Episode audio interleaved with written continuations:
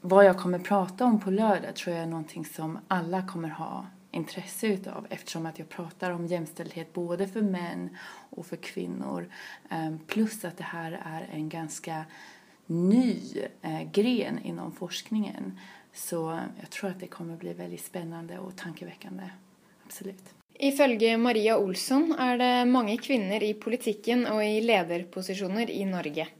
Men går man eh, djupare i jobbstatistiken visar det sig alltså att det är eh, få kvinnor i så kallade STEM-yrker, en engelsk förkortelse för eh, yrker som handlar om forskning, teknologi, ingenjörvetenskap och matematik.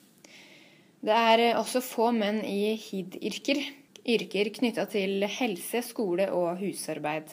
Och det senare är någonting som eh, ofta överses inom eh, socialpsykologisk forskning men som är otroligt viktigt för att kunna uppnå jämställdhet. Att vi har jämställdhet både för kvinnor och för män.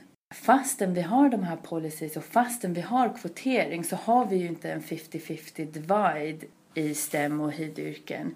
Och då ska jag prata lite om vilka psykologiska och strukturella barriärer som eh, hindrar män och kvinnor från att gå in i dessa domäner. Jag kommer även presentera eh, data från en studie som vi bedrev i Norge och Kanada där vi jämförde män och kvinnors attityder och deras eh, motivation att göra en karriär inom STEM och HID. Gläder du dig till lördag? Ja, det gör jag.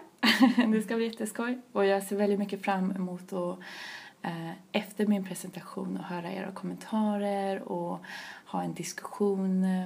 Och jag vill verkligen att det här eh, ska bli någonting vi kan diskutera och, och dela erfarenheter med varandra.